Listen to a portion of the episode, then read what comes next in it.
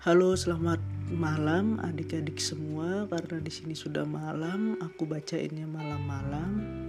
Nah, kali ini di episode pertama eh, kita akan bacain kiriman kisah dari salah satu follower to PTN ya.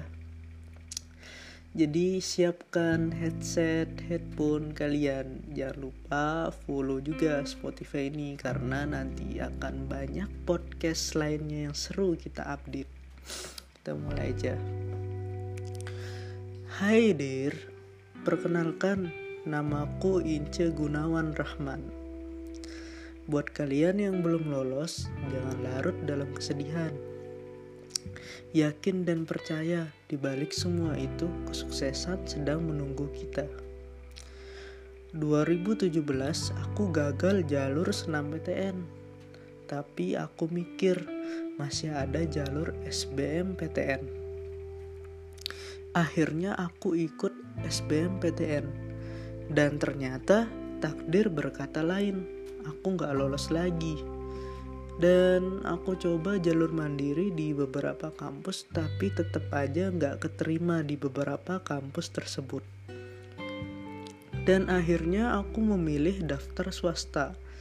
Alhamdulillah aku keterima dengan jurusan yang aku inginkan sejak kecil. Tapi pada saat itu gak jadi ngambil karena aku mikir jurusan kedok di swasta bayarannya dua kali lipat dan pada akhirnya aku lebih memilih untuk kuliah di luar negeri dengan jurusan kedokteran. Karena aku mikir jauh lebih baik.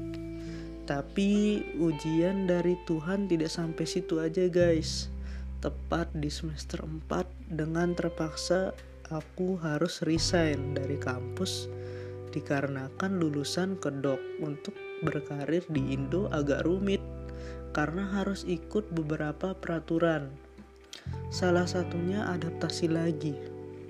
Nah, waktu itu aku ngerasa down banget mau nerusin tapi mikir ke depannya.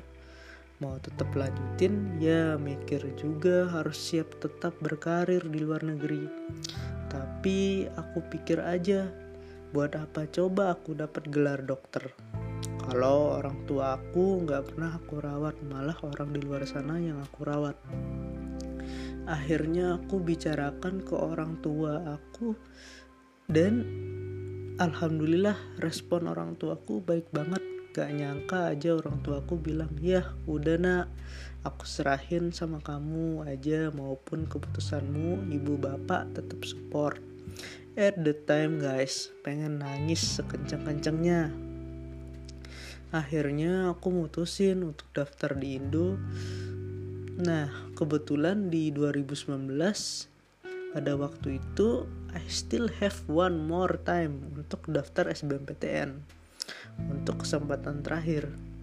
Dan aku balik Indo kurang lebih satu bulan sebelum ujian SBMPTN tapi guys, kesebara, kesabaranku masih tetap diuji. Aku mendapatkan kata maaf lagi untuk kesekian kalinya.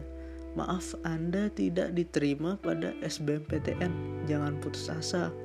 Wow, pada saat itu aku berasa I'll be crazy. Tapi aku tetap semangat.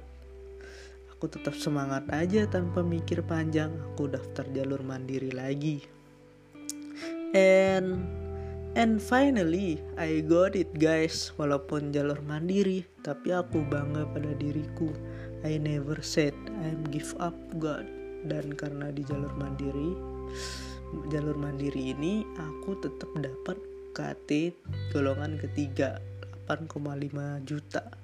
So I just wanna say to all of you guys Jangan pernah kalian merasa Tuhan tidak adil Dan jangan pernah ada kata menyerah Tetap semangat dan percaya Tuhan tidak menguji hambanya di luar dari batas kemampuannya. Keep smiling. Nah, itu dia tadi kisah dari Ince Gunawan Rahman. Nah, buat kalian nih yang dapat mimin petik nih. Jadi jangan putus asa ya walaupun berapa kali kalian jatuh tapi tetap bangun dan bangkit lagi. Nah buat kalian eh, dari kalian mendengar cerita tadi kesimpulannya apa nih? Terus jangan lupa uh, di share ke teman kalian kalau bermanfaat. Nah kalian juga bisa kirim cerita kirim ke email root2ptn@gmail.com sekian kisah kali ini semoga bermanfaat. See you